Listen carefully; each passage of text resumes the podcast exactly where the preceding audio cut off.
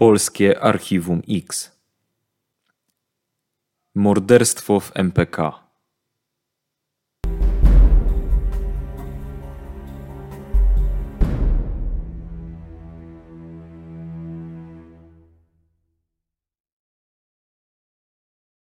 Historia, o której chcemy Wam opowiedzieć, wydarzyła się w Krakowie ponad 10 lat temu. To opowieść o młodej dziewczynie, dla której miasto miało być tylko kolejnym etapem w realizacji marzeń. Zostały one jednak brutalnie przerwane. O opowiedzenie tej historii prosiliście nas w komentarzach pod innymi materiałami. Ta historia uświadamia nam, że każdy z nas może przekroczyć cienką granicę życia i śmierci. Sekundy mogą zdecydować o tym, że życie wielu osób zmieni się bezpowrotnie. W momencie, kiedy ofiara zostaje zamordowana, rodzi się strach mordercy przed tym, że prawda zostanie odkryta. Ten strach, niezależnie od upływu lat, zawsze będzie towarzyszyć zabójcy. Kate przyjechała do Polski z Wielkiej Brytanii na kilka miesięcy, aby odbyć staż w Muzeum Narodowym, a później w Galerii Zderzak. Jej pasją było malarstwo, sztuka, w wolnych chwilach lubiła jeździć konno. Była córką polskich emigrantów, którzy wówczas od ponad 30 lat mieszkali na wyspach. Kate miała 21 lat i była studentką drugiego roku historii i filozofii na Uniwersytecie Kent w Canterbury. Studiowała także historię na Uniwersytecie Jagiellońskim. Wcześniej ukończyła także prestiżową szkołę Buxwood w Guestling. Dziewczyna mieszkała w wynajmowanym mieszkaniu na północy miasta. 29 lipca 2011 roku wieczorem przygotowała się do spotkania z przyjaciółmi. Wspólnie poszli do jednego z lokali w centrum miasta. Tam spędzili kilka godzin rozmawiając i relaksując się po intensywnym tygodniu. Po godzinie trzeciej wraz z przyjaciółmi postanowiła wracać do domu. Agnieszka i Mateusz namawiali ją, aby zamówiła taksówkę. Kate uznała jednak, że nie ma takiej potrzeby i że wróci nocnym autobusem, ponieważ blok, w którym mieszkała, znajdował się niedaleko przystanku autobusowego. Młodzi pożegnali się ze sobą, a dziewczyna poszła na przystanek znajdujący się niedaleko miasteczka studenckiego, gdzie wsiadła do linii numer 610, jadącej wówczas w kierunku pędli na Górce Narodowej. Kierowcą autobusu był 44-letni Mirosław. Na liniach nocnych regularnie jeździł od pięciu lat. Jako kierowca co jakiś czas przechodził badania psychologiczne. Według opowieści kolegów był opanowany i spokojny. Z akt sądowych wynika, że w przeszłości nie było na niego żadnych poważnych skarg. W dokumentach możemy przeczytać tylko o dwóch drobnych incydentach. Jeden z nich dotyczył skargi pasażera, że Mirosław jest nieodpowiedzialny, ponieważ podczas jazdy korzystał z telefonu komórkowego. Druga dotyczyła tego, że Mirosław raz ominął przystanek.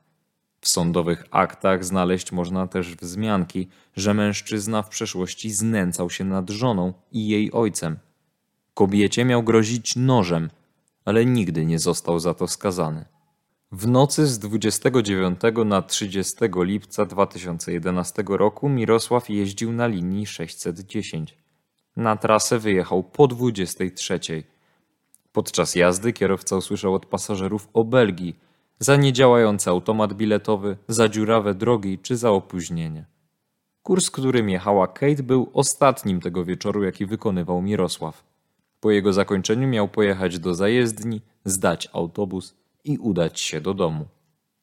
Gdy autobus dojechał do pętli na Górce Narodowej, w autobusie znajdowała się garstka pasażerów. Na siedzeniach na początku autobusu spała Kate. Za nią dwie inne pasażerki, a na końcu grupa młodych ludzi. Kierowca wyłączył silnik, wysiadł ze swojej szoferki i zaczął budzić pasażerów. Dla Mirosława była to rutynowa czynność, bo prawie za każdym razem w nocnych autobusach ktoś zasypiał i po zakończonym kursie trzeba było budzić osoby. Grupka młodych ludzi, która siedziała na końcu autobusu oraz dwie kobiety wysiadły z pojazdu. Kiedy Mirosław wracał do swojej szoferki, zobaczył, że Kate dalej śpi. Obudził ją i poinformował, że autobus dojechał na ostatni przystanek i należy opuścić pojazd. Dziewczyna odmówiła i poprosiła o odwiezienie na inny przystanek, ponieważ przespała miejsce, w którym miała wysiąść. To, co wydarzyło się tego momentu, wiemy tylko z opowieści Mirosława, ponieważ nie było żadnych innych świadków. Mężczyzna po tym, jak dziewczyna odmówiła wyjścia z pojazdu, wsiadł do szoferki, zgasił światła wewnątrz pojazdu i odjechał z pętli autobusowej. Jak tłumaczył, chciał w ten sposób odpłacić dziewczynie za jej postawę i wysadzić ją w innej części miasta. Z zeznań Mirosława. Zaczęła mnie obrażać. Doszło między nami do słownej utarczki. Usłyszałem pod swoim adresem kilka obraźliwych słów. Gdy powiedziałem jej, że jestem zmęczony, odpowiedziała mi, że mogłem się uczyć, wtedy nie jeździłbym autobusem. Potraktowała mnie z góry. Chciała pokazać, że jestem gburem i szmaciarzem. Po przejechaniu kilku ulic studentka zapytała kierowcę, dokąd jedzie. Doszło między nimi do ostrej wymiany zdań. Mirosław zatrzymał się przy ulicy Siewnej. Z zeznań Mirosława. Zbierała się we mnie agresja, ale otworzyłem jej przednie drzwi. Jak powiedziała, że złoży na mnie skargę, coś we mnie pękło. Po tym, jak dziewczyna wspomniała o wniesieniu skargi, wyszła i ruszyła w kierunku tyłu autobusu. W tym czasie Mirosław sięgnął do plecaka i wyciągnął 35-centymetrowy gumowy hamulec zakończony mosiężną śrubą. Wybiegł z autobusu i ruszył za dziewczyną. Na wysokości ostatnich drzwi kierowca wziął zamach i uderzył dziewczynę w głowę. Kate obróciła się w stronę Mirosława i spojrzała mu w oczy. Wtedy mężczyzna uderzył po raz drugi. W wyniku szarpaniny oboje wpadli do rowu wypełnionego wodą i błotem. Kate upadła twarzą do podłoża i straciła przytomność. Kierowca, wstając, oparł się o jej ciało, przez co bardziej zagłębiło się ono w błocie. Mężczyzna zabrał ze sobą gumowy hamulec, wsiadł do autobusu i udał się w stronę zajezdni autobusowej. Po przejechaniu kilku ulic Mirosław wyrzucił hamulec w krzaki. Kiedy Mirosław dojechał w okolice zajezdni, zatrzymał się obok swojego samochodu, z którego wyciągnął kurtkę, aby móc zasłonić zakrwawioną koszulę. Z siedzenia w autobusie zdjął pokrowiec i wytarł nim zabłocone buty i spodnie. Po tym jak zdał autobus, wrócił do domu, zdjął ubrania i wrzucił je do worka, który wyrzucił do pobliskiego śmietnika. Tuż po zdarzeniu Mirosław wziął urlop i wyjechał do Skarżyska Kamiennego. Tam chciał przeczekać wszystko. Ciało Kate znalazł 30 lipca 2011 roku nad ranem w rowie przy ulicy Siewnej, przypadkowy przechodzień. O wszystkim powiadomił policję. Przybyli nad ranem na ulicę Siewną policjanci zobaczyli ciało dziewczyny. Na jej ramieniu znajdowało się jej życiowe motto: Sztuka jest wieczna, Życie trwa chwilę. Dla funkcjonariuszy to hasło zabrzmiało jak prorocze słowa. Sprawa natychmiast stała się medialna, a dziennikarze informowali o każdym najdrobniejszym szczególe. Tymczasem policjanci chcieli ustalić bardzo szybko, kto stoi za śmiercią młodej dziewczyny. W komendzie rozważano wiele wariantów. Sprawdzano m.in., czy więzienia nie opuścił w ostatnich dniach żaden sprawca przestępstw seksualnych.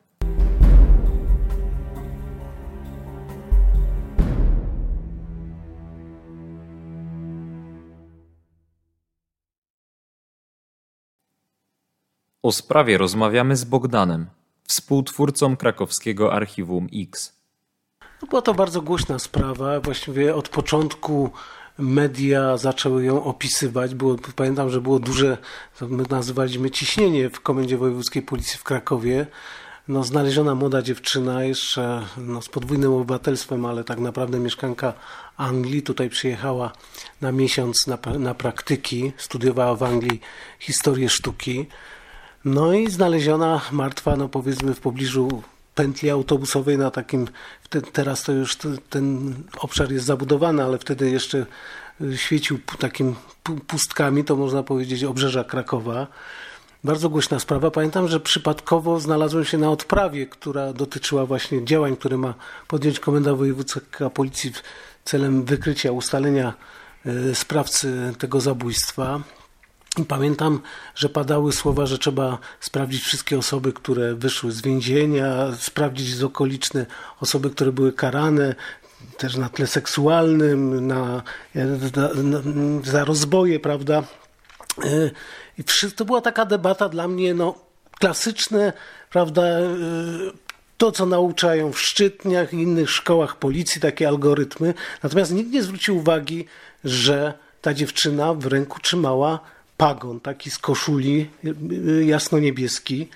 Była znaleziona w pobliżu pętli autobusowej i pamiętam, że zwróciłem uwagę E, no, od, uczestnikom tej, tego spotkania, że popatrzcie, co ona trzyma w ręce i gdzie została znaleziona. Ja często w swoich analizach podkreślałem, że ślady kryminalistyczne, takie typowe jak ślady trasologiczne, daktyloskopijne czy DNA, nie za bardzo nie są kluczem do rozwiązania sprawy zabójstw. One mogą być pomocne na jakimś etapie, ale na wstępie nic nie mówią, zwłaszcza, że nie mamy z kim porównać tych śladów i że takimi najważniejszymi śladami jest czasami miejsce znalezienia zwłok, jakiś przedmiot, coś, co się rzuca, coś charakterystycznego, indywidualnego związane ze sprawą. Dla mnie właśnie takim elementem, tym kluczem do rozwiązania był ten jasno-niebieski pagon z koszuli wtrzymany w ręku ofiary.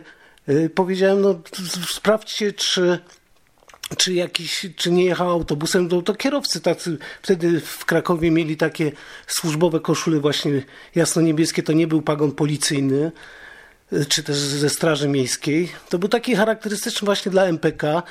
Ku mojemu zdziwieniu za parę minut okazało się, że kierowca jednego z kursów ostatnich, wtedy nocnych, bardzo szybko poszedł na, na zwolnienie chorobowe.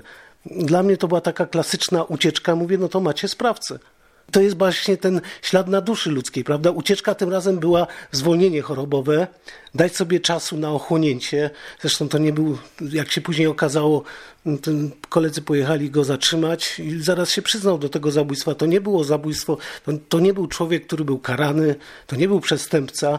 To było tak zwane zabójstwo na tle sytuacyjnym po prostu. I no i doszło do tragedii.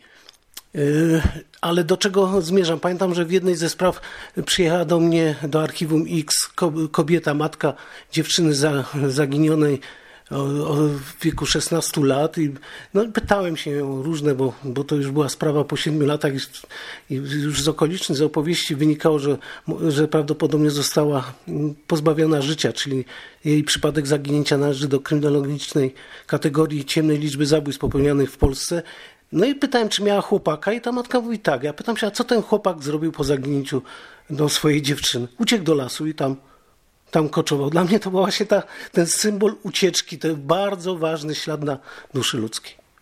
Tymczasem w zakładzie medycyny sądowej przeprowadzono sekcję zwłok Kate. Z dokumentacji wynika, że ciosy zadawane gumowym hamulcem z mosiężnym elementem nie były śmiertelne. Doprowadziły one jedynie do utraty przytomności młodej dziewczyny. Bezpośrednią przyczyną śmierci było uduszenie. Błoto z rowu dostało się do dróg oddechowych i je zlepiło.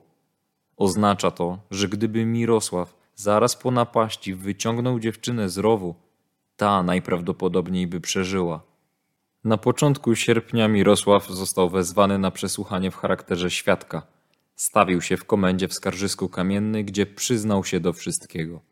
Zaznaczył jednak, że nie zamierzał zabić dziewczyny.